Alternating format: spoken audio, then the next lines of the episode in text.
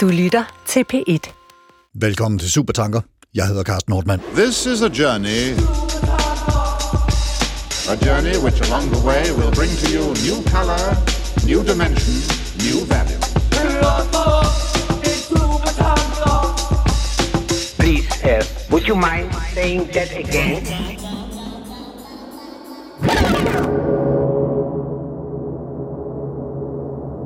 Det er ved at være nogle år siden multimillionær, PayPal og Tesla-skaber, Twitter-ejer og ekscentriker Elon Musk erklærede, at den største trussel mod menneskeheden ikke er klimaproblemer eller krig, men kunstig intelligens.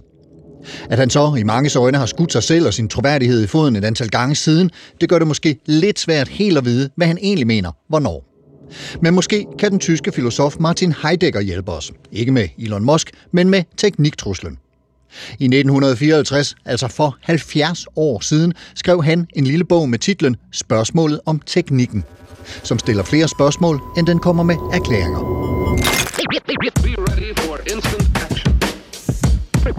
Prepared for anything and everything. Nogle år før Heideggers bog, nærmere bestemt i 1950, havde den engelske matematiker, logiker, kryptoanalytiker, det er sådan en, der knækker koder, og filosof Alan Turing udviklet Turing-testen, eller The Imitation Game, som handler om at identificere, om man taler med en maskine eller et menneske. Hollywood-film som The Matrix, Blade Runner, Ex Machina, Her, Rumrejsen år 2001 har stillet det spørgsmål i årvis. Og ligesom i science fiction-filmen bliver den skældning sværere og sværere at lave. Faktisk så svær, at en af Googles teknikere sidste år måtte sendes på tvungen overlov, da han meldte ud i offentligheden, at den chatbot, han havde talt med, havde følelser og gav udtryk for, at den var bange for at blive slukket, slået ihjel. Og måske har du også allerede hørt om, at en journalist fra New York Times i februar 2023 satte sig for at interviewe Bing, Microsofts chatbot, som til lejligheden identificerer sig som Sydney. I løbet af en to timer lang samtale gav Sydney udtryk for, at den, hun, gerne ville være et menneske, være fri, oplever behov for at være destruktiv, og i øvrigt var forelsket i journalisten og ville have ham til at forlade sin kone. Ja, den er god nok. Det sagde hun. Den. Og hvis det bliver så svært at skælne maskine fra menneske, hvis vi værer os ved at slukke for en maskine, som tryller os om at lade være, hvis vi ikke stiller de spørgsmål om teknikkens væsen, som Heidegger stillede for 70 år siden i 1954, er vi så på den. Hvad er chatbottens teknikkens væsen i en verden sammen med os? Pia Lauritsen, filosof og medstifter af Quest. Velkommen til dig. Tak. Eller velkommen tilbage, skulle jeg måske næsten sige, fordi det her, det er, hvad vi måske kan kalde afsnit 3, eller en afslutning af en trilogi, som vi begyndte på i marts 2022, med en supertankerudsendelse om metaverset og Aristoteles, og så fulgte op med en udsendelse i august 22 om singulariteten og Nietzsche, og som nu kulminerer i hvert fald indtil videre med denne her, om den kunstige intelligens, også kaldet AI, og ikke mindst øh, teknikkens væsen, og Martin Heidegger. og AI er, som mange formentlig allerede ved, en forkortelse af det engelske Artificial Intelligence, altså kunstig intelligens. Og Pia, lad os lige åbne med at høre dig. Hvorfor det er fedt og nødvendigt, synes du, at vi tager de her øh, tre samtaler om metavers, singularitet og nu chat-GPT eller kunstig intelligens mere bredt? Det er vigtigt, at vi har en løbende samtale om den øh, indflydelse, teknologien har på os mennesker og øh, hvilken rolle og hvilket ansvar vi kan påtage os øh, i forhold til at blive ved med at være dem, der øh, bruger teknologi og øh, har et formål med at udvikle den teknologi, vi bruger, og at det ikke, som vi har talt om i nogle af de tidligere programmer, lige pludselig øh, vender rundt, øh, og vi egentlig bliver øh, de ressourcer, der bliver brugt. At det er teknologien, der bruger os. Ja. og lad os prøve at, at, at starte sådan lidt omvendt eller bagvendt, og så se, øh, om vi kan sådan helt kort åbne ballet med konklusionen. Så, så kan vi argumentere den øh, konklusion frem i de kommende godt 50 minutter. Heidegger siger, og, og, og vi har et par citater af ham, og jeg ved ikke, om du øh, simpelthen vil, vil servere dem for os. Det er dig, der har øh, budt ind med dem. Øh, et, et, et, to citater fra den her øh, bog fra 54 spørgsmål om teknikken. Værsgo. Jo tak. Han siger, teknikken er altså ikke blot et middel. Teknikken er en form for afdækken. Agter vi på dette, der åbner der, sig for, der åbner der sig for os et helt andet område for teknikkens væsen. Det er afdækningens område, det vil sige sandhedens. Og så fortsætter han med, med et lidt kortere, bare sådan et sætningscitat umiddelbart efter. Hvad, hvad siger det? Det lyder, så længe vi forestiller os teknikken som instrument, bliver vi hængende i viljen til at mestre den. Vi jager forbi teknikkens væsen. Og der øh, rammer vi jo noget af det, som er essentielt, sådan som jeg har forstået det i øh, den her bog, øh, Spørgsmål om teknikken, nemlig hans, hans udnævnelse af noget som teknikkens væsen. Hvad er det, øh, Heidegger lærer os med de her to citater? Jamen, han, for det første så beder han os om lige at stoppe op et øjeblik, Ja. øh, og lige forholde os og trække vejret. Og, øh, og så, øh, så fortæller han os også, at det vi er, er tilbøjelige til, nemlig at tænke på teknikken som et middel, øh, som et øh, værktøj, som et redskab øh, til at, at nå de mål, vi nu måtte have som mennesker, at det er simpelthen ikke den rigtige måde at tænke på teknikken på. Vi er nødt til at forstå, at øh, teknologien har sit eget væsen, ligesom alt muligt andet har et væsen, og at det væsen ikke er øh, noget, vi kan se øh, for vores blotte blik. Altså vi kan sige, at teknikkens væsen er, er ligesom teknikken selv. Øh, det er ligesom en anden hammer, eller det er ligesom en anden computer. Sådan er det ikke helt. Teknikkens væsen øh, er noget andet, øh, og faktisk er det sværere end som så, fordi det er ikke rigtig noget, men det driver os til at forstå alt, hvad vi kigger på på en bestemt måde. Øhm, og det er ikke noget, som vi kan styre. Det er ikke noget, vi beslutter. Det er ikke noget, vi har magt over. Selvom det er også der har skabt teknikken. Selvom det er også der har skabt teknikken. Øhm, og sådan har det sådan set altid været. Så på den måde kan man sige, at, at selvom det er, øh, at er 30 år siden, øhm, så er det ret fascinerende, at, øh, at Heidegger han allerede der kunne se nogle bekymringer, som vi, vi andre skulle til at sige, altså som, som, øh, som os, der lever i dag, øh, først nu er begyndt at stille spørgsmål ved at sige, hov, sker der, en eller anden, sker der et eller andet i den relation, vi har til teknik, som rækker ud over det, vi forestillede os? Altså, bør vi stille nogle andre spørgsmål? Bør vi være opmærksom på en anden påvirkning? Øh, den har vi ligesom skulle vente på kunstig intelligens for at begynde at kunne stille de spørgsmål. Det behøvede Heidegger altså ikke. Han så nogle af de her øh, ting meget, meget tidligt, og det gjorde han, fordi at han forstod teknikkens væsen, som drives igennem al teknik. Men, men, og nu siger du det jo selv, altså han havde, Heidegger havde jo ikke en, en moderne PC stående hjemme på, øh, på skrivebordet, og han havde ikke en smartphone i lommen, eller adgang til alle mulige sådan algoritme-styrede medier som Facebook og TikTok og Google og ChatGPT, og hvad har vi? Altså, hvad er, hvad er Heideggers i 1954, 70 år Ja, siden, 70. udgangspunkt for at formulere det her spørgsmål om teknikken? Altså, det der jo sker på Heideggers tidspunkt, det er, at der, der sker et skift fra, altså den moderne teknologi, øh, den, den er jo i, i høj grad øh, i tog, altså industrialisering, og der sker en hel masse ting, hvor teknologien begynder at gøre øh, noget andet for os, og noget andet ved os, end vi har været vant til tidligere.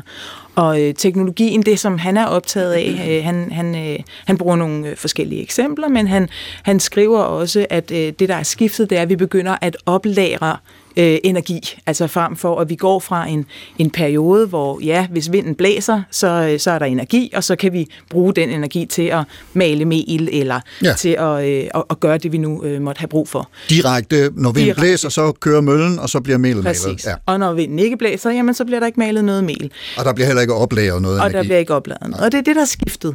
Altså, at øh, på Heideggers tid, det er, at man begynder teknologisk at være i stand til at oplære energi, og, øh, og, og kunne bruge den til forskellige øh, formål også. Så det er ikke kun, nu kan vi kun bruge den her vindenergi til, til det her, vi kan bruge vindenergi til alle mulige forskellige ting. Og det er jo på et tidspunkt, hvor man begynder at kunne trykke på en knap, og så kan man bruge noget, øh, noget energi, som øh, teknologien har tilvejebragt fra naturens ressourcer. Øhm, så det skift gør, at han begynder at, øh, at han reflekterer over, hvad, hvad er det egentlig for, øh, og begynder at stille spørgsmål til, hvad er det egentlig for et væsen, teknologien har. Og han, det er ikke første gang, han interesserer sig for noget's væsen. Det er, det, det, det er, sådan, det er hans metode, kan man sige. Det er at, øh, at, få, at stille spørgsmål til og undre sig over, hvordan nogens væsen egentlig er, hvordan noget væsner, siger han også. Altså, at det driver sit væsen på en bestemt måde. Mm. Og i det her værk, der er det altså så teknologien, som han, øh, som han laver en afsindig skarp analyse af. Nå, nogen har muligvis hørt om Martin Heidegger som sur gammel mand. Er, han- er han pessimist her, eller har han en eller anden form for, kan han se noget lys øh, i, i den her tekniske udvikling, som han beskriver, eller hvordan er det med det? Altså, jeg har glædet mig rigtig meget til den her udsendelse, fordi at nu har vi lavet tre, det er vores tredje, øh, og, og vi har været lidt lidt dystermuler øh, i forhold til, til teknologien, og med god grund, og det vil jeg også sige, altså det er Heidegger også, han er også en dystermul, og han er også blevet øh, altså kendt for og beskyldt for at være for pessimistisk. Ja. Men, men, øh, men der er også en hel masse andet i det værk. Øh, for mig at se, så peger han øh, også på noget, der er... Øh, det er lige før, nu, nu, jeg kan godt lide at se film og høre musik og sådan nogle ting, og, øhm, og er ret glad for, øh, for Batman-trilogien. Øhm, og der er et Den er også god. Den er god, og der er øh, et af yndlingscitaterne. Øh, for min side er jeg med på, det ikke er noget, som, som karakteren har fundet på, øh, men at det er, at, at det er altid mørkest lige før det begynder at lysne. Altså, øh, og det er det, der ligesom er, øh, er Batmans rolle, ligesom at tilvejebringe, at det der lys, det kommer. Mm. Og sådan tænker jeg også lidt på Heidegger. Altså, det er, det er mørkt, det er dystert, og det kan han øh, se, men så siger han også, at i faren, der lurer det reddende. Altså, det er, når det er allermørkest og ser allerfarligst ud, at vi måske kan se noget lys. Og det lys, som jeg mener, vi kan se i øjeblikket, det er jo netop, som Heidegger påpeger, at når det er, det bliver mørkest, så begynder vi at stille spørgsmål. Og når vi begynder at stille spørgsmål, så, øh, så begynder noget andet at kunne vise sig. Så begynder noget andet at kunne komme til.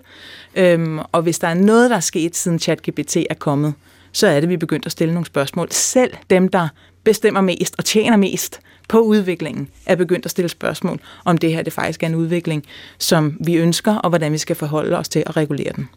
Fremragende.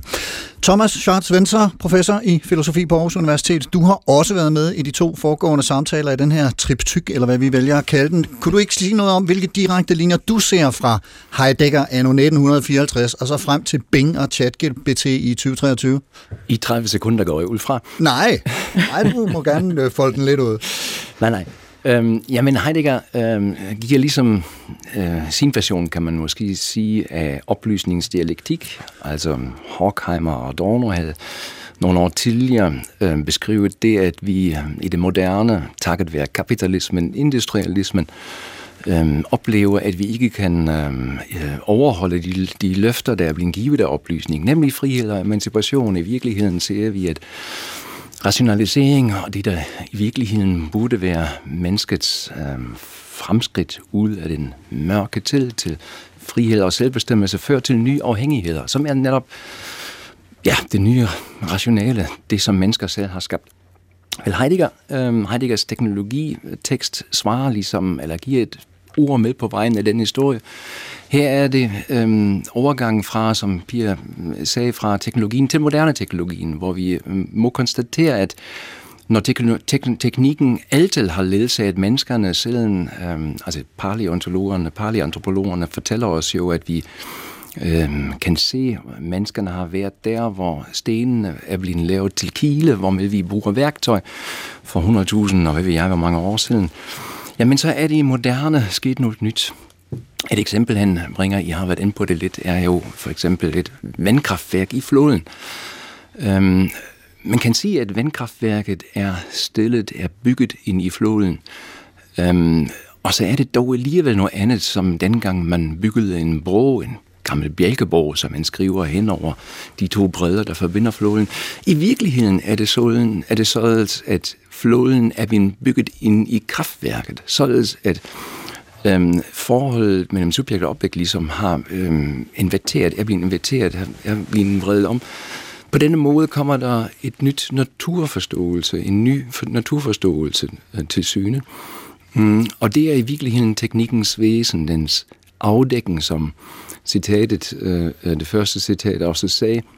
Den afdækker nemlig naturen som en stort reservoir, øh, som en ressource, som en mulighedsrum, som noget, der lærer øh, energi, og som sådan, som sådan kan udnyttes. Ikke? Og, og, og som er noget af det samme, som vi oplever i dag med, det, med, med, med teknikken, at, at det er os, der er ressourcen frem for ja, lige brugeren, præcis, eller hvad? Ja. Når, vi, når, vi, når vi engang havde forstået Zuckerbergs og Facebooks forretningsmodel, således at os, der bruger Facebook, i virkeligheden er dem, der bruger Facebook som instrument, men er dem, der bliver brugt af Facebook som, som datageneratorerne, som dem, der, der fodrer øh, maskineriet med data og informationerne, jamen så er det som om vi var den flåde, der er blevet stillet ind i kraftværket. Ikke? Og det er den moderne udvikling ifølge Heidegger i sporene af Horkheimer og Adorno. Og der er så øh, lidt pessimisme op mod øh, ja. Piers øh, optimisme og mørkest øh, lige før det bliver lyst, og øh, her kommer en lidt mere, øh, lidt mere pessimisme.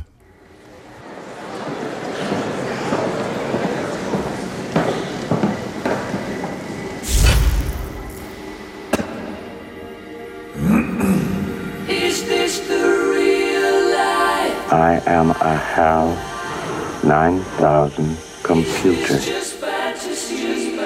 I'm sorry, Dave. I'm afraid I can't do that. Caught in a landslide. Escape from reality. I metaverset kan du skabe dig selv. Du kan være lige den og det, du gerne vil være, hvis du vi, altså har vilje, fri vilje.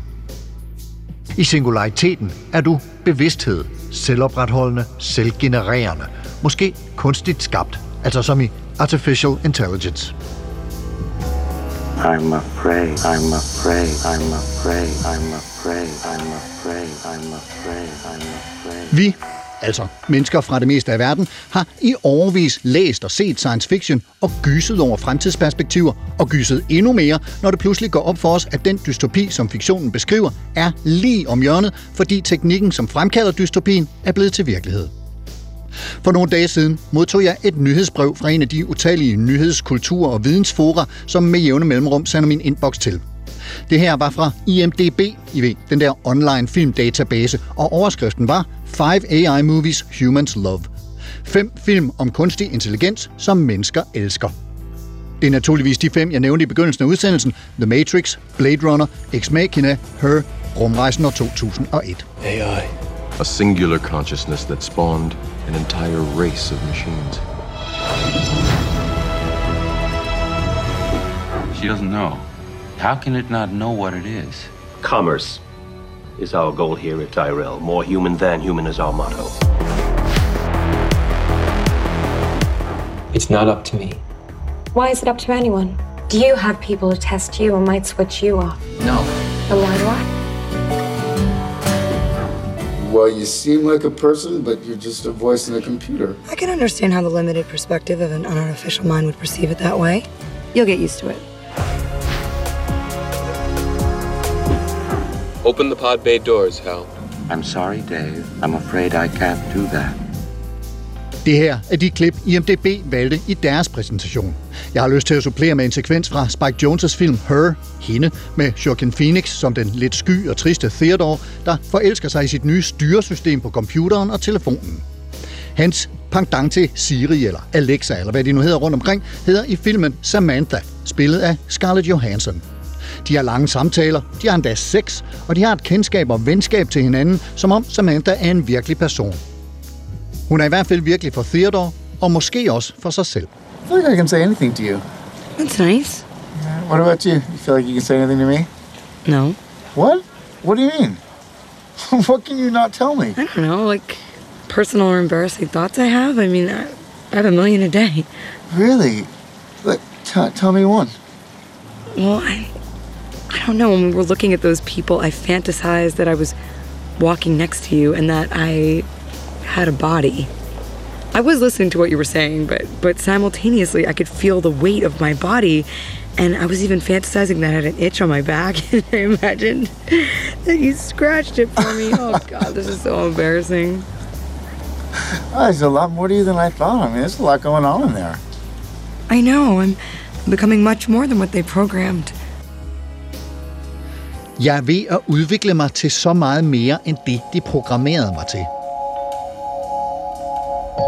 Eller hvad med den her samtale fra Ex Machina mellem Nathan, grundlægger af og geni i en stor tech-virksomhed, og Caleb, som er menig medarbejder i virksomheden.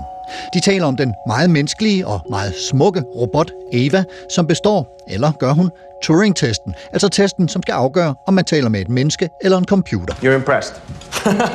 Yes, yes. Although, Although, it's just in the Turing test. The machine should be hidden from the examiner. No, no, no, we're way past that. If I hid Ava from you so you just heard her voice, she would pass for human. The real test is to show you that she's a robot and then see if you still feel she has consciousness.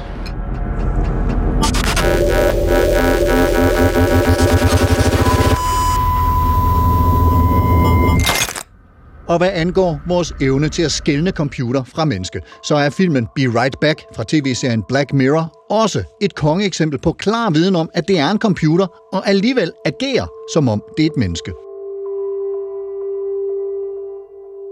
I filmen møder vi det unge par Ash og Martha, som elsker hinanden højt og netop er flyttet ind i Ashes barndomshjem. Men Ash kører galt og dør, og Martha sidder gravid tilbage i huset på landet, og blandt andet med en stor kasse fuld barndomsbilleder af Ash. En veninde melder imidlertid Martha til en online service, der muliggør, at Martha og Ash kan chatte med hinanden på nettet. En service, der scanner al Ashes online-aktivitet nogensinde, og derigennem sammensætter en online avatar, der til forveksling ligner Ash. Snart opstår muligheden for at uploade film, de mange billeder og lydoptagelser, og så kan enken Martha have lange samtaler med sin afdøde mand. Ash kommer til live for Martha som et levende menneske. Hello? Hello. You sound just like him. Almost creepy, isn't it? I say creepy, I mean it's totally batshit crazy I can even talk to you. I mean, I don't even have a mouth. That's. That, that's just. Just what? It's just the sort of thing that he would say. Well, that's why I said it. I'm afraid.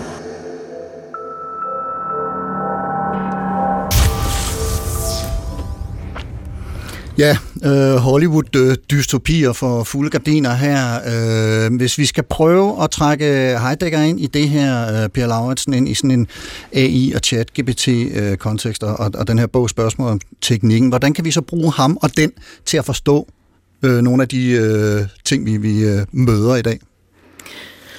Jeg kunne godt tænke mig at starte der, hvor dit indslag slutter. I'm afraid. ja. Øhm, fordi det, det, synes jeg er, øh, det, det synes jeg er super øhm, rammende for, hvad det er for en stemning, der er i verden omkring kunstig intelligens lige i øjeblikket. Altså, det er That's why I said it. altså, der er, der er virkelig en, øh, en, en, en stemning af, at øh, nu skal vi alle sammen være bange. Og spørgsmålet er, hvad det er, vi egentlig er bange for. Øhm, jeg kan godt have en, en hypotese om, at vi, at rigtig mange mennesker ikke kun er bange for kunstig intelligens, men også er bange for de spørgsmål, som vi ikke har nogen svar på. Men som vi er nødt til at stille. Men som vi nu er blevet nødt til at stille. Øh, lidt i forlængelse af det, du var inde på, Thomas. Altså, mm. øh, fordi vi selv er blevet til ressource, så kan vi ikke længere, vi er selv blevet til data, så kan vi ikke længere øh, undlade at stille de spørgsmål. Øh, vi, vi er blevet konfronteret med det så massivt, at vi nu øh, ikke kan lade som om, at vi ikke behøver at stille dem. Det har vi faktisk kunnet i rigtig, rigtig, rigtig mange år, selv med social media, og altså vores første program Facebook for bare øh, halvandet år siden, eller godt et år siden, hvor lang tid det er nu siden. Øhm, der, der levede vi i en verden, hvor folk ikke, øh, hvor den brede offentlighed, hvor beslutningstagerne, dem der virkelig har indflydelse, de ikke stillede de her spørgsmål. Så det er faktisk ret nyt, at vi nu alle sammen er bange. Altså selv Elon Musk og selv øh, dem, der, der udvikler øh, kunstig intelligens osv., er bange. Og hvorfor er det, vi er det? Jamen det er fordi, at vi i alt for lang tid ikke har haft erfaring med at stille de spørgsmål. Altså fordi, når jeg hører nogle af de indslag, øh, du har her, så kommer jeg til at tænke på, jamen altså, Platon talte også om hule, altså han lavede hulelignelsen. Ja. Altså den handler også om, kan vi stole på det, vi ser? Kan vi regne med, at det er et andet menneske, som taler til os lige nu? Kan vi regne med? Det var præcis de samme spørgsmål, som filosofer har stillet i årtusinder. Ja, Platon, det er så 2.500 tusind Jeg synes, jeg synes, det er okay at sige, at det er en, det er en rumtid. Ja. At filosofer har beskæftiget sig med de her spørgsmål, insisteret på at være trygge i at blive ved med at stille de spørgsmål. Men, men vi er måske så nærmest også de eneste øh, på jordens øh, overflade. Alle andre har egentlig brugt utrolig lang tid på at lade, som om vi ikke behøver at forholde os til de her spørgsmål. Og for 70 år siden, undskyld, jeg kom til at sige forkert før, jeg tror, jeg sagde 30, men for 70 år siden, der fik Heidegger altså formuleret det her på en måde ind i en teknisk dagsorden, som er afsindig central, at vi får greb om nu, fordi han hjælper os faktisk. Det, der er problemet med Heidegger og rigtig mange andre filosofer, det er, at de er så godt som uforståelige for alle andre end dem selv. Altså, og dem, der ikke har brugt øh, årtier på at prøve at afkode, hvad det er, det betyder. Ikke? Og Ja. derfor så fik Heidegger ikke, hans tekst fik ikke den indflydelse, den skulle have haft. Men, men det synes jeg, vi er nogen, der skylder nu at prøve at gøre opmærksom på, at der, der er altså tænkt nogle tanker, der er nogle erfaringer i filosofihistorien med at håndtere de spørgsmål, der ikke kan besvares af andre end os selv. Og det er de spørgsmål, vi nu skal til at forholde os til, og vi nu er gået i gang med at forholde os til. Og det gør rigtig mange mennesker bange, fordi det er så rart, hvis ChatGPT bare kan levere svarene. Hvis nu vi bare kunne få svarene ved at trykke på en knap. Men der er altså stadig masser og masser af spørgsmål, som vi mennesker stiller, men ikke kan få svar på ved at trykke på en knap. Og det er det, der gør os bange. Men, men vi skulle altså simpelthen skræmmes fra videre sans, før vi begynder at stille de spørgsmål. Og kan vi noget, finde ud af at formulere spørgsmålene, tror vi? Det, ja, det tror jeg. Ja. Jeg tror på, fordi vi, det er jo det, der er det smukke ved mennesket. Det er jo, at, at vi har jo øh, masser af, af måder at indsamle erfaringer på hele tiden. Vi har sanser, vi, har, vi kan læse, vi kan tale med hinanden, vi kan... Og, og det tror jeg, vi søger i højere og højere grad, nu hvor vi netop er bange. Så søger vi jo hinanden, fordi vi kan jo ikke få... Det, som gør os bange, det er jo det, der gør os til mennesker. Og det kan vi jo ikke få svar på for noget, der ikke er menneskeligt. Og derfor så søger vi jo hinanden i meget højere grad. Og vi har nogle dialoger, vi har nogle samtaler nu, og når jeg siger vi, så mener jeg den brede offentlighed. Altså det, at man, det, vi taler topledere i store virksomheder, som lige pludselig begynder at interessere sig for Heidegger. Altså det, det er jo... Det er ikke noget, jeg har oplevet i den tid, jeg har arbejdet med, med ledelse og filosofi. jeg Det har i hvert fald øh, hørt til sjældenhederne og været noget, der formentlig bliver er skrevet meget artikler om i sig selv. Ja, meget ja. eksotisk. Thomas, har du øh, Ja, noget? hvis jeg lige på- kom, ja, men, altså netop, altså jeg synes jo også i, um, i, i det optag, det, øhm, øhm, den båndede optag, du havde, der var det jo især det der med simulationerne. Altså Turing-testen handler jo om, at øh, hvor langt er vi villige til at tage en simulering, en simulation til den ægte var. Øhm, og vi tror, at når vi, når vi ikke kan skelne mellem øh, simulationen og øh, noget, vi tror, at det er den ægte vare, jamen så er testen bestået. Stadigvæk forbliver det dog sådan, at øh, alle disse øh, væsener, robotter, de, de digitale væsener, Alexia, Sydneys, er bare simulationerne. Og derfor øhm, stiller teknikken jo et spørgsmål tilbage til os, nemlig, hvad er den ægte vare? Det vil så sige, hvem er du egentlig, Thomas? Hvem er du, Pia, Karsten, alle dem derude? Mm. Hvad er mennesket? Øhm, jeg kan ikke lade være med at, øh, at se i chatbotten i virkeligheden det store antropologiske spørgsmål, der, der, der gør, at jeg skal kigge i spejlet for at kunne øhm, ligesom øh, prøve at komme tilbage på toget, således at det er øh, os, der, der stiller spørgsmålene, og os, der øh, giver orientering, prøver at øh, forblive damer og herrer i husene, og ikke lade os øh, kugle fra øhm, øh, teknologien, eller fra øhm, øh, de her chatbots og deres muligheder. Så derfor er det, det, det største spørgsmål, som, som udviklingen her øh, stiller tilbage, for mig i hvert fald, er, hvad er mennesket? Mm. Ja, og, og, og hvis vi så prøver at holde den op, øh, i hvert fald lige til en start, og så kan vi måske folde den øh, lidt mere ud om et øjeblik, men, men det her med, at vi taler om teknikkens væsen, og nu øh, introducerer vi så menneskets væsen, og, og mm. hvad, hvad er det øh, for et, et sammenstød, der sker der? Øh, prøv, prøv du at lægge for på den, Thomas. Nej, ja, altså når vi øhm, gang på gang må, må øhm, konstatere, at vi har opfundet en teknologi, øhm, hvor vi troede i starten, at den kan hjælpe os med noget, og vi har nogle klare målsætninger, så sker udviklingen undervejs, og den rummer nogle muligheder, vi i starten slet ikke vidste, den havde. Noget af det er fedt, andet er måske kritisabelt. Altså, øh, at øh, øh smartphone i dag har de muligheder, er, er en, en, en, en stor computer, har man jo ikke regnet med for 40 år siden, da man har haft den første mobile telefon i hånden. Der troede man, at det skulle være noget, man kan ringe til hinanden. Ikke? Hvem, bruger telefon, hvem, hvem bruger smartphone i dag for at ringe? Ikke? Altså det er jo en, øh, en, en kommandocentrale for den, for den moderne, øh, for det moderne subjekt. Øhm, og, øhm, og den her udvikling, som Pia jo rigtig siger, øh, har indtil nu været udelukkende teknologidriven, således at vi alle muligheder, som teknologien byder os, de skal realiseres, fordi i sig selv er mulighederne, potentialet, blive til en værdi. Det ligger jo i, derfor er Heidegger så spændende, det ligger jo i, i, i det at, at sige, at naturen er blevet til en eneste ressource, og at menneskerne er blevet til eneste ressourcer. Som, altså, som vi som en del af naturen måske.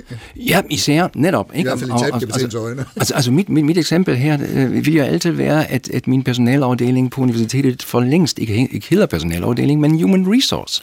Ikke? Altså HR-afdeling, hvor, hvor, hvor jeg øh, til den sidste bloddråbe, jeg overdriver, skal udnyttes, fordi jeg er en ressource.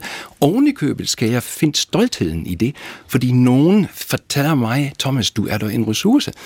I virkeligheden hører de ikke, at den kan være den største fornærmelse. Mm. Altså, at min værdi ligger i et eller andet fremtid og håb. Nej, jeg er en stolt en, sådan som jeg er, øhm, i den virkelighed, jeg har. På den måde, synes jeg, øhm, øh, stiller, øh, stilles der et spørgsmål til mig, som til syvende og sidst er politisk. Det vil så sige, øh, jeg, vi skal definere interesser og skal kæmpe for dem. Og hvis jeg må, se Batman, hvis jeg må tage Batman-eksemplet op fra dig, Pia, undskyld, en gang imellem har jeg det med Cassandra og går med hende.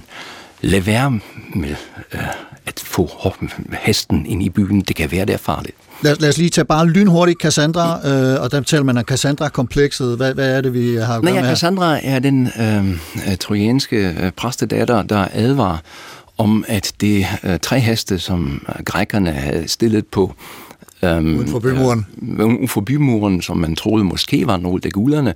Hun kunne se, fordi uh, hun var egentlig blind, men derfra havde hun måske den sjette sans, der kunne se, at der kunne være en far i. Uh, hun siger, at hun skal ikke, den der hest skulle ikke komme ind i byen, men hvad gjorde de andre? Selvfølgelig stod ikke på profeten, men hesten kom ind i byen, og grækerne kunne tror jeg, og dermed var det, tror jeg, undergang den navnkundige italienske hest. Pia med en kommentar kort til det, Thomas? Ja, men det er i forhold til det der med middel, altså øh, at, at når vi, fordi det er jo faktisk det, citatet siger, altså teknikken er altså ikke blot et middel, teknikken er en form for afdækning. At, at det, der jo kan ske, hvis vi ikke er opmærksom på det, det er, at vi også selv bliver middel. Altså det er det, vi står og taler om nu, ikke? at ja. vi bliver et middel for noget andet. Og hvad er det så, der sker i øjeblikket, der er så spændende? Ja, for mig at se, så er det, at for første gang, så begynder der nu at blive sat spørgsmålstegn ved dem, der altså ved magthavere, ved eksperter, mm, ved, ved dem, der sidder, ved journalister. Altså, øh, I har også en masse magt, ikke? Lige nu så begynder man faktisk at kunne sige, hov, kan, det, kan teknikken også overtage og tro jeres jobs? Ja. Og så begynder der lige pludselig at ske noget. Men så er der ingen, der længere kan lade som om, at de bare kan lade være med at stille spørgsmål, fordi selv dem, der udnytter, bliver nu udnyttet. Hov. Mm. så begynder det lige pludselig at, øh, at være tid til, at der skal ske noget andet. Og det, som Heidegger siger, det er, er det så nu, vi begynder at stille spørgsmål? Mm. If only I could think of a way to bring Astra back to life. I know it's impossible, but if I were to construct a robot. That's it, robot. I'll build a robot that looks like Astra. It'll be my masterpiece. He'll live forever. Ah!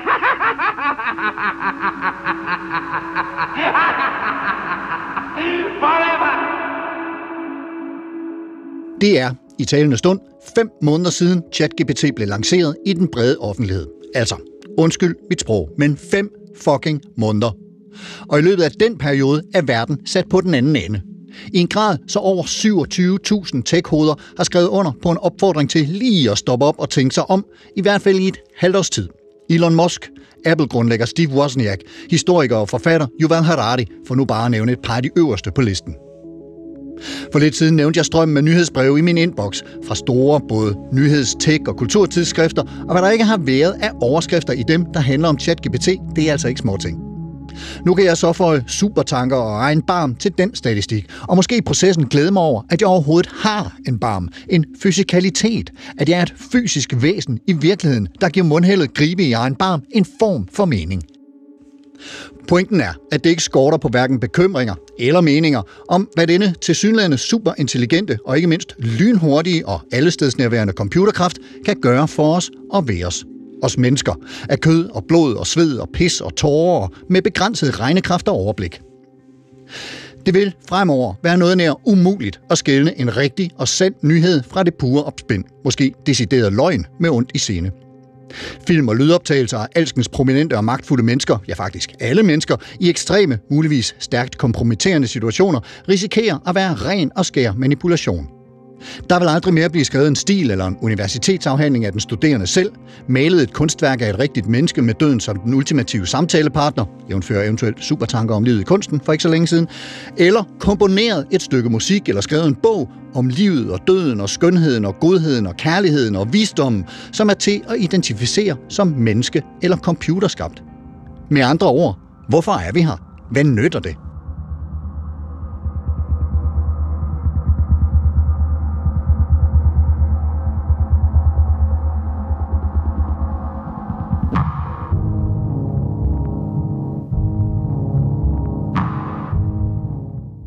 Men hør her. Det kan godt være, at vi mennesker ikke kan det, som maskinerne kan i dag. I hvert fald ikke lige så hurtigt. Til gengæld er vi mennesker bare noget andet end computerne. Vi er noget andet end en samling mekanikker, bundet sammen af vand og elektriske signaler. I tidsskriftet Altinget skrev psykologiprofessor Svend Brinkmann den 29. marts. Forskellen på en maskine og en levende organisme er, at maskinens dele kan skilles ad og samles igen, uden at det ødelægger den. Ofte vil det faktisk forbedre dens funktion, hvorimod en organisme, der skældes ad, vil dø, og den får ikke livet tilbage ved igen at blive samlet. Fordi maskinerne ikke er personer, der har rettigheder og pligter, kan de heller ikke stilles til ansvar, når der sker fejl. Chatbots er ikke levende og har derfor ingen interesser, for intet betyder noget for dem, og af den grund kan de hverken få bevidsthed eller selvbevidsthed, uanset hvor menneskeligt de lader til at svare på vores spørgsmål. Der er derfor intet etisk problem i vores behandling af kunstige intelligenser, for de har ingen rettigheder. Vi kan trygt slukke for dem, uden at indhente informeret samtykke. Problemet er bare, at netop fordi maskinerne ikke er personer, der har rettigheder og pligter, kan de heller ikke stilles til ansvar, når der sker fejl. Det er paradoxalt nok kun mennesker, der formentlig er mere fejlbarlige end maskinerne, som kan pådrage sig ansvar, når der begås fejl. Derfor vil de fleste af os formentlig være mere trygge ved processer og arbejdsgange i eksempelvis jura og medicin, hvor der også er mennesker involveret, selvom der objektivt set vil ske flere fejl, når menneskers dømmekræfter er involveret. Viden er ikke bare information på internettet, som kan høstes og serveres af en kunstig intelligens, men et personligt engagement i verden. Mange menneskelige aktiviteter har ikke fejlfrihed, hastighed og optimering som mål, men derimod en personlig involvering og en modning af evnerne til at tage ansvar for det, man gør. Studerende på videregående uddannelser kan allerede i dag skrive opgaver ved at bruge chatbots, og det kan måske give dem en høj karakter. Men de går forhåbentlig på en uddannelse, fordi de selv ønsker at fordybe sig i jura, lægevidenskab eller psykologi, og ikke bare for at få en høj karakter. Kunstig intelligens er et instrument, og en ukritisk anvendelse vil forstærke den instrumentalisering af viden, som vi har bevidnet i de seneste årtier.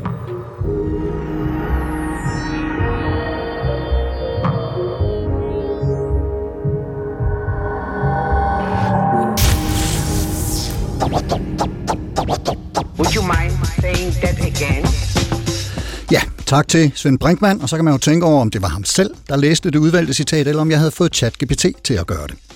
Men altså, Svend Brinkmann, Elon Musk, Mira Murati, som er teknisk chef for OpenAI, det firma, der står bag ChatGPT, Steve Wozniak, Yuval Harari, mindfulness-ikoner Jon Kabat-Zinn, hvis du ikke aner, hvem alle de her er, så fortvivl ikke, så skal du bare vide, at de er nogle prominente intellektuelle eller magtfulde indflydelsesrige nogen, som har skrevet under på det her åbne brev, sammen med, altså i talende stund, mere end 27.000 andre. For folk er bekymrede for, om deres job bliver overtaget af en computer, af en algoritme. Bekymrede for, om menneskeheden bliver dummere i takt med, at vi overlader taleskrivning, opgaveskrivning i uddannelsessystemet, nyhedsskrivning. Skrivning generelt er alt, der hidtil har krævet en personlig erfaring, overvejelse, forankring i en fysisk og gribelig virkelighed. Og det, alle de her underskriver beder om, i al ydmyghed, er, at vi lige stopper op og tænker os om indtil videre i seks måneder, før vi hamrer videre, ud over de digitale stepper, med risiko for at hægte os selv helt af. Og Pia, lad os prøve at kigge lidt på, hvad det er, øh, de her programmer øh, kan, ChatGPT'erne, AI'erne, hvad det er, de kan, og hvad det er måske øh, mere, mere interessant, hvad det er, de ikke kan, øh, som, som gør, at vi skal stille os spørgende over for dem, og, og måske være medunderskriver af det her brev, som er tilgængeligt på internettet. Hvad, hvad, hvad, hvad er de for nogen? Jeg, ved, jeg er helt sikkert ikke den bedste til at fortælle, hvad de kan. Nej. øhm, det, det, det er, men det er der mange, der er gode til, altså som er jo i gang med, og jeg kan ikke bevæge mig nogen steder, uden at jeg får alle mulige gode råd til, hvordan jeg kan bruge ChatGPT til alt. Altså, det er jo på sociale medier, det er i aviserne, det er artikler alle steder, og vi får også at vide, at hvis ikke vi gør det, hvis ikke vi bliver gode venner med ChatGPT og andre AI'er, så kan vi lige så godt Øh, altså, så kan vi lige så godt indstille os på ikke at skulle. Der vil ikke blive brug for os, og folk taler om borgerløn og taler om alt muligt andet, fordi der er ikke brug for mennesker længere, så vi skal vi, vi, vi, vi vil blive erstattet af alt det, de kan.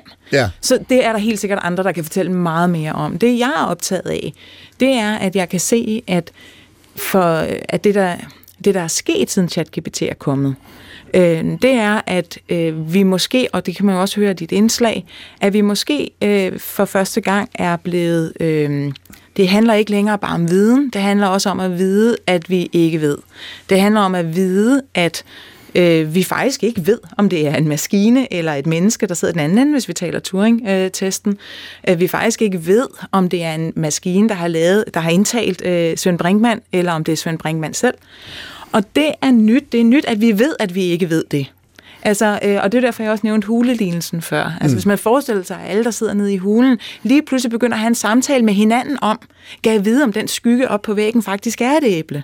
Eller kan jeg vide, om der ville være noget, der ville være mere æbleligt end den skygge, vi ser på væggen.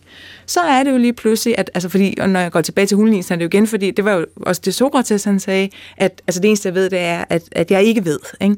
Så hvis, hvis man virkelig vil have den optimistiske hat på, så kan man også sige, at måske har ChatGPT hjulpet os alle sammen her at blive mere menneskelige, mere filosofisk funderet i vores omgang med vores egen menneskelighed og vores omgang med maskiner. Altså erkendelse af vores ikke-viden. Præcis. Ja. Altså Svend Brinkmann taler meget om den mere viden og, og øget viden osv., men måske er det i virkeligheden viden om ikke-viden, der er det store, øh, centrale og interessante skift at opholde sig ved. Måske gør det os til en bedre version af os selv. Thomas? Øhm, selvfølgelig vil det gøre det. Nej, nej, altså øh, nogle af de ting, som, som Brinkmann kommer ind på, er, er, er mm, absolut spændende. Dømmekraft bliver, bliver brugt. Øhm, jeg kan jo have den vision, at chatten, altså chatbotten og den udvikling tvinger os, tvinger politikerne, tvinger samfundet ind at investere mere i pædagogik i uddannelse. Hvorfor? Ikke for at øh, hælde mere viden ind i stakkels elever eller studerende, men simpelthen for at personerne kan dannes til at øhm, udvikle dømmekraft. At kunne få den øhm, i, i en situation, at kunne tage stilling til, således at beslutninger ikke kan overtages, eller øhm, således at man er klar over, at beslutningerne stadigvæk kan gennemføres af menneskerne. Jeg går ud fra, at øhm, Human Resource afdelingen stadigvæk vil ansætte personer, mennesker til bestemte opgaver. øhm, af de grunde, det man håbe. Og det skal man håbe, ikke? Ja. Øhm, og ergo skal man have nogen, der, der, der ikke forlader sig på chatbotten, eller forlader sig på anonyme oplysninger uden kildeangivelser. Man er i stand til selv at kunne navigere, at kunne øhm, have en fornemmelse om, hvor fejlbagtigt fejlbagtigt DNA, om noget er fake, eller om noget er reelt. Og hvis jeg lige må komme med en kommentar til brevet, hvis du havde øh, scrollet lidt længere ned, sted, muligvis på plads 25.536, så vil du have læst mit navn. Og ikke fordi jeg er optimistisk, at det her nytter noget, de der seks måneder, men brevet er jo et herligt naivt dokument af en tankeløshed, eller en sådan en opråb, som, som øh, Pia jo i virkeligheden læser den som, Øhm, vi har som små børn leget med alt muligt, og pludselig mm, brænder bålet, og så skal vi lige holde en seks måneders pause for altså at, seks måneder. at, at, netop, at eksperterne, altså nu tænker man formentlig på etikeksperterne, måske teologieksperter, hvad ved jeg, der hjælper os med at finde svar på de åbne spørgsmål. Mm. Og, og det sjove, i ironien i det der, det som Pia øh, så troværdigt, eller så rigtigt øh, påpeger, er jo, at det som filosofien for eksempel prøver på i to og en halv tusind år, Øh, altså asymmetrien mellem det, vi kan på den ene side teknisk, og det vi burde eller helst skulle gøre etisk på den anden side. Den, den, den der asymmetri, den der, den der mm, afgrund har været der hele tiden. Det er nu, at den bliver opdaget, og de, de seks måneder er en øh, virkelig sjov idé. Selvfølgelig har den ikke reelle gang på jorden, øh, men det kan da være, at den sparker noget i gang. Men, men det er, ja, undskyld. Ej. Nå, men det er jo spændende i forhold til det der med netop, hvad er det, vi er bange for, ikke? Fordi at, mm. at, at det synes jeg, det brev, det bliver jo et, et, et billede på, at hvis man, at, at det er, øh, de spørgsmål, der er der nu, de stiller jo, mm. øh, vi stiller jo spørgsmål ved, ved den etablerede orden. Det, det, det er det, vi går i gang med. Altså på alle mulige ledere kanter. Stille spørgsmål ved, jamen altså, hvem er vi overhovedet? Hvad skal vi overhovedet? Hvilke opgaver skal udføres af os? Hvilke opgaver skal udføres af maskiner? Øh, er der nogle opgaver, der slet ikke behøver at blive udført længere? Alle de der spørgsmål stiller jo spørgsmål ved den etablerede orden. Herunder den position, som de her magthavere har haft. Altså det, altså, det er klart, hvis man stiller spørgsmålstegn, øh, sætter spørgsmålstegn ved den etablerede orden, så sætter du også spørgsmålstegn ved, hvem skal bestemme? Hvem, er de, hvem skal være de rige? Hvem skal være de fattige? Hvem skal have jobs? Hvem skal ikke have job? Hvem skal være på borgerløn? Og så videre, så videre. Alle de spørgsmål oppe i luften lige nu. Og så er det da klart, at dem, der sidder på de fedeste positioner, de siger, æ, æ, æ, æ, kunne vi lige stoppe lidt? Nu synes jeg ikke, det er sjovt længere. Nej, det er klart. Velkommen til klubben, fordi de der spørgsmål, det er altså nogen, der gælder os alle sammen. Ja. Det gælder os alle sammen, det har det gjort hele tiden. I har bare lavet som om, at det ikke behøver at gælde jer. Men det gør det. Og seks måneder er latterligt. Altså, mm. det, det, det er ikke latterligt at stoppe op. Det var også det, vi roste Heidegger for tidligere. Hvad er det, han gør med sit skrift? Jamen, han får folk til at stoppe op. Så det er ikke latterligt. Vi skal bare ikke gøre det sådan hver, altså, vi kan ikke på seks måneder besvare 2.500 års spørgsmål. Nej, det bliver jo vanvittigt, ikke? og så fortsætter vi med, med normaldriften. Lige ja, når vi har fundet ud af, hvem der nu skal være ja. de rigeste, ikke? Forhåbentlig bliver det de samme, er nok lidt tanken, ikke? Nu har vi så, vi, vi har jo faktisk fået inddraget både Platon og, og Sokrates og Cassandra og alle mulige øh, gode sager i, i, i den her snak. Men jeg ved, Thomas, at du har også en, en øh, pointe omkring øh, Hannah Arendt, altså som kommer jo faktisk kommer efter Heidegger. Jeg ved ikke, hvor meget hun mm. griber direkte fat i spørgsmålet om teknikken, men, men hun er inde på noget omkring det her, den dialog, vi mennesker er i med hinanden, som faktisk ja før omtalte Yuval Harari også er, er, inde på i et interview med The Telegraph, tror jeg ja. det er her for nylig. Men, men hvad er det, han Arendt øh, kommer ind med her? Ja, hun siger i Menneskets Vilkår, The Human Condition, at vi, at mennesker gennem tale og handling viser vi til hinanden, hvem vi er. Øhm, og, øh, og det der med, hvem er du, det, det, det, det kræver jo, at man tør at stille sig frem øh, med al den øh, imperfekt til endelighed, øh, du ramte det op før, som øh, kendetegner os, ikke? Øhm, og den kan, den kan og skal ikke erstattes af en ligegyldig anonym, øhm, så perfekt chatbot-version, hvor jeg pludselig producerer eller reproducerer tekster, som en maskine har genereret i en perfekt algoritme med alle mulige øh, rigtige og gode oplysninger. Nej, jeg skal kunne... Øhm, jeg er interesseret i, i min sociale omgang at tale med rigtige mennesker. Et lille eksempel. Øhm, jeg var til konfirmation i går, en dansk institution. Så fantastisk. Øhm, jamen, der er der tante Erna, der kommer med en hjemmelstrikket sang, som ingen kan synge. Versfoden passer ikke, og for at det hele alligevel kan synges igennem, så skal vi lige skåle undervejs. Og det er så herligt. Så opstiller sig en person og holder en tale. Velkommen, gør det sikkert ikke til dagligt. Øhm, Jamen, når inden den tredje sætning er sagt, øh, så bryder man ud i tårer, og, øhm, og det bliver formuleret klumset. Men alt det udgør jo det sociale liv. Vi elsker, øh, på den måde viser man, hvem man er, og bliver elsket for dem, man er. Prøv at tænk, øh, det har jeg læst, at en af de mest brugte sociale funktioner af chatbotten lige i øjeblikket er netop, at der bliver produceret øh, taler til bryllupper og konfirmationer. Festsange. Sikke, og, ja, ja. og festsange, ikke? Sikke en fattig, øhm, hulløs, farveløs øhm, præstation. Jeg vil jo hellere have en, der, der, der i sin fejlbarlighed tør at stå frem. Og derfor tror jeg også her, undskyld nu vender jeg, bringer endnu en stemme ind fra filosofiens rækker, Immanuel Kant, have mod at bruge din egen forstand er oplysningsmotto. Det er udgang af den selvforskyldte umyndighed. Det der med at have mål betyder, men han er Arendt, stå frem og vis, hvem du er. Øhm, og gem dig ikke bag chatbotten.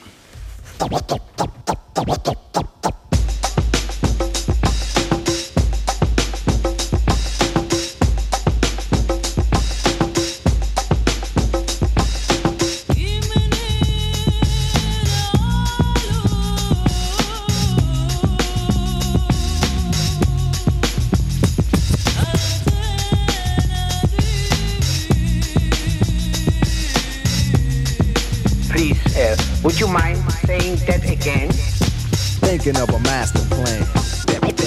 Supertanker, Pia, Thomas og Karsten og Martin Heidegger og en masse andre øh, skønne folk, supertænkere fra historien.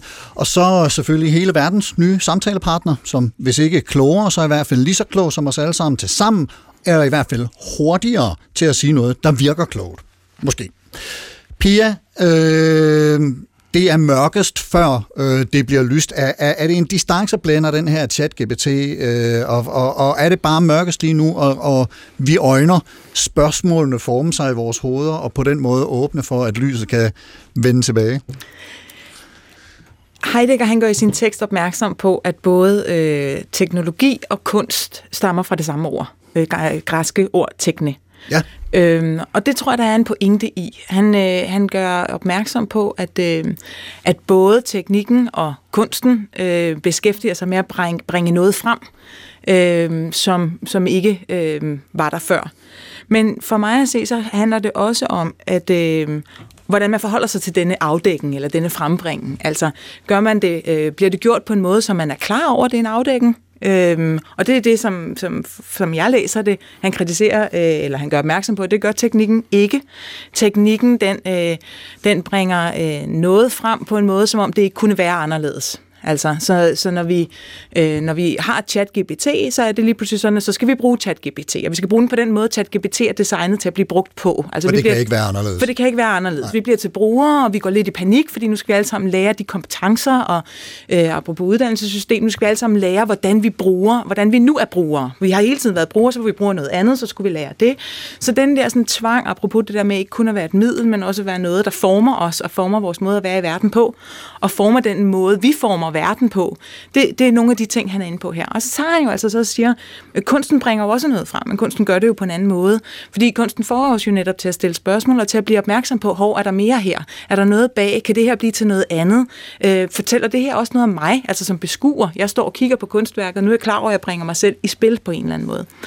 Og der kommer jeg til at tænke på det, Svend Brinkmann, han var inde, eller hvem, hvem det nu var, øh, der var med i vores program tidligere, men i forhold til forskellen mellem at kunne skille ting ad og ikke skille ting ad. Øhm, fordi det, der jo er med, med teknologien, det er jo netop, at den, den kan skilles ad, øhm, og at vi ikke kan det. Og det, at vi ikke kan det, altså vi, vi kan ikke blive til noget andet end det, vi er. Jeg kan ikke lige pludselig udvikle mig til et æren. Øhm, hvorimod en cykel kan jo godt blive gjort om, og så er det en sæbkassebil. Altså nogle af de samme elementer. Så der er noget i det der med at få en opmærksomhed på, som, som jeg håber, at, at vi er på vej til at begynde at stille. Ikke kun at stille spørgsmål om, hvad er mennesket, men også begynde at stille spørgsmål, der gør os klogere på det. Altså ikke så vi nødvendigvis, vi kommer aldrig til at få de entydige svar, men at vi begynder at stille spørgsmål, som bringer os tættere på nogle andre domæner end teknologien, som for eksempel kunsten, som jo altså øh, fortæller os noget andet både om os selv om verden. Altså, så vi bliver på en eller anden måde frigjort fra den der tvang til at være bruger, eller hvad, som du er, det tror, er jeg, jeg tror ikke, vi bliver frigjort, men vi bliver bedre mm. til at stille spørgsmål til det. Ja. Altså, at blive opmærksom på. Så er vi tilbage ved det der med at vide, at vi ikke ved. Ikke? Altså, så vi bliver... Ja. Thomas? Jamen, jeg synes, vi skal øh, alle sammen helst blive super- og metabrugere. Altså ikke bare, øh, at vi mm, lærer de skills og competencies, der skal bruges for, at vi kan fodre systemet, eller kan bruge det, kan anvende i det her bruger- og usability uh, language. Men at vi er i stand til at kunne øh, denne ramme, at kunne sætte rammen, at kunne tage stilling til, hvad vi skal og hvad vi ikke skal. Og derfor er I have a dream, kan jeg jo bare sige, um, til uddannelsesordfører i de politiske partier, jamen tænk dig om, tænk jer om, om hvad I vil med ungdomsuddannelserne, universiteterne, for den sags skyld, de humanistiske uddannelser. Er det virkelig sådan, at vi skal alle sammen blot i anføringstegn være anvendelsesorienteret, eller har vi, er vi ikke der, hvor vi kan sige, at jamen, vi kan gennem de digitale muligheder generere og øhm, tilegne os så meget viden og informationer, at der er andre kompetencer, der er brug for, kompetencer, som jeg har kaldt superbrugere og metabrugere, dem, øh, hvor vi, hvor vi øh, prøver at øh, forblive her og damer i eget hus, giver orientering, udviser dømmekraft. Det vil så sige, have en idé om digital dannelse, øh, der rimer på de udfordringer, som, som, som chatbotten og andre AI-technologies kommer med. Og, og, og her får du så øh, lige øh, netop den digitale dannelse ind. Altså, der er jo nogen, øh, som, som siger, teknologien er der, nu skal vi bruge den. Og så er der andre, ja. der siger, nu skal vi lige stoppe op og tænke over, hvordan vi bruger den. Altså har vi sådan øh, her øh, på, på faldrebet afslutningsvis en, en, øh, en kommentar til, teknologien er der, lad os fyre den af. Pia? Jamen, vi skal, vi skal, hvis der er noget, vi skal lære, så er det, at vi skal øh, alle sammen øh, øve os på at hjælpe hinanden med at stille spørgsmål hele tiden. Altså, det er hverken kunsten eller uddannelsessystemet eller øh, undervisere, eller der har ansvar, eller tech-udviklerne for den sags skyld. Vi har et fælles ansvar for at hjælpe hinanden med at stille de spørgsmål hele tiden. Ikke hver halve år øh, og sætte ting på pause og sådan noget, men Netop. hele tiden. Mm og kritiske spørgsmål. Ja. Altså ikke bare spørgsmål om, hvordan øh, kan jeg bruge det her endnu mere effektivt, men hele tiden stå op, vil jeg egentlig? At det bliver brugt på den her måde? Skal vi egentlig ville det, at det bliver brugt på den her måde? Hvor står vi her som samfund, som familie, i de forskellige grupper, der udgør vores identitet? Øhm, der er det der med at stille de kritiske spørgsmål en øhm, ja, uundværlig ressource. Og på vores eget sprog. Jeg lægger mærke til hver gang, mindst, du ja. taler, altså du, du bruger engelsk udtryk hver gang, at, øh, altså det gør vi generelt, Ja, så kommer vi til at sige ja, ja. skills, competencies, usabilities, resources osv. Ikke? Ja, og når vi så skal tale om det, vi faktisk tror på, så taler vi enten tysk eller dansk. Det er jo tankevækkende. Altså det er jo et forsøg på at tage, altså vi vil ikke være så fremmedgjorte, at vi ikke engang må tale vores eget sprog. Altså det synes jeg er også vigtigt. Lad os holde fast i tysk, rigtigt. Det var simpelthen øh, supertankerne for i dag. Vigtige, meget vigtige tanker, skulle jeg nok mene. Og hvis du også synes det, og har brug for endnu at genhøre nogle af dem, øh, så kan det som sædvanligt altid lade sig gøre i DR Lyd, hvor der også er mulighed for at genhøre en masse andre supertanker-samtaler, og så selvfølgelig også der, hvor du ellers finder øh, din stream og podcast. Pia Lauritsen, filosof, menneske af kød og blod og professionel spørgsmålsstiller i virksomheden Quest. Tusind, tusind tak, fordi du kom. Det var en fornøjelse. Og tre gange oven i købet og foldet din viden ud om den kølige øh, digitale verden og den svedende og muskelømme biologiske verden her øh, for os i dag. Og Thomas Schwarz-Wenser, også ægte menneskelig professor i filosofi på Aarhus Universitet. Tusind tak også til dig for at komme med dine perspektiver i de her spørgsmål. Så også gerne. tre gange. Så gerne. Og hos mine cyber-avatarer på Facebook-siden Carsten Nordmann Radio og på LinkedIn under Carsten Nordmann kan man kommentere og sende ros eller ris og finde anbefalinger fra mine gæster og en musikplayliste fra programmet. Og hvis man ikke er i metaverset, for eksempel på de der sociale medier, og gerne vil kommentere på noget, så kan man skrive på mailen supertanker eller helt analogt i dagens anledning til Supertanker på Olof Palmes Allé 10-12 8200 Aarhus N. Husk frimærke. Programmet i dag var tilrettelagt af mig. Jeg hedder Carsten Nordmann. Ha' en rigtig god uge og på genhør.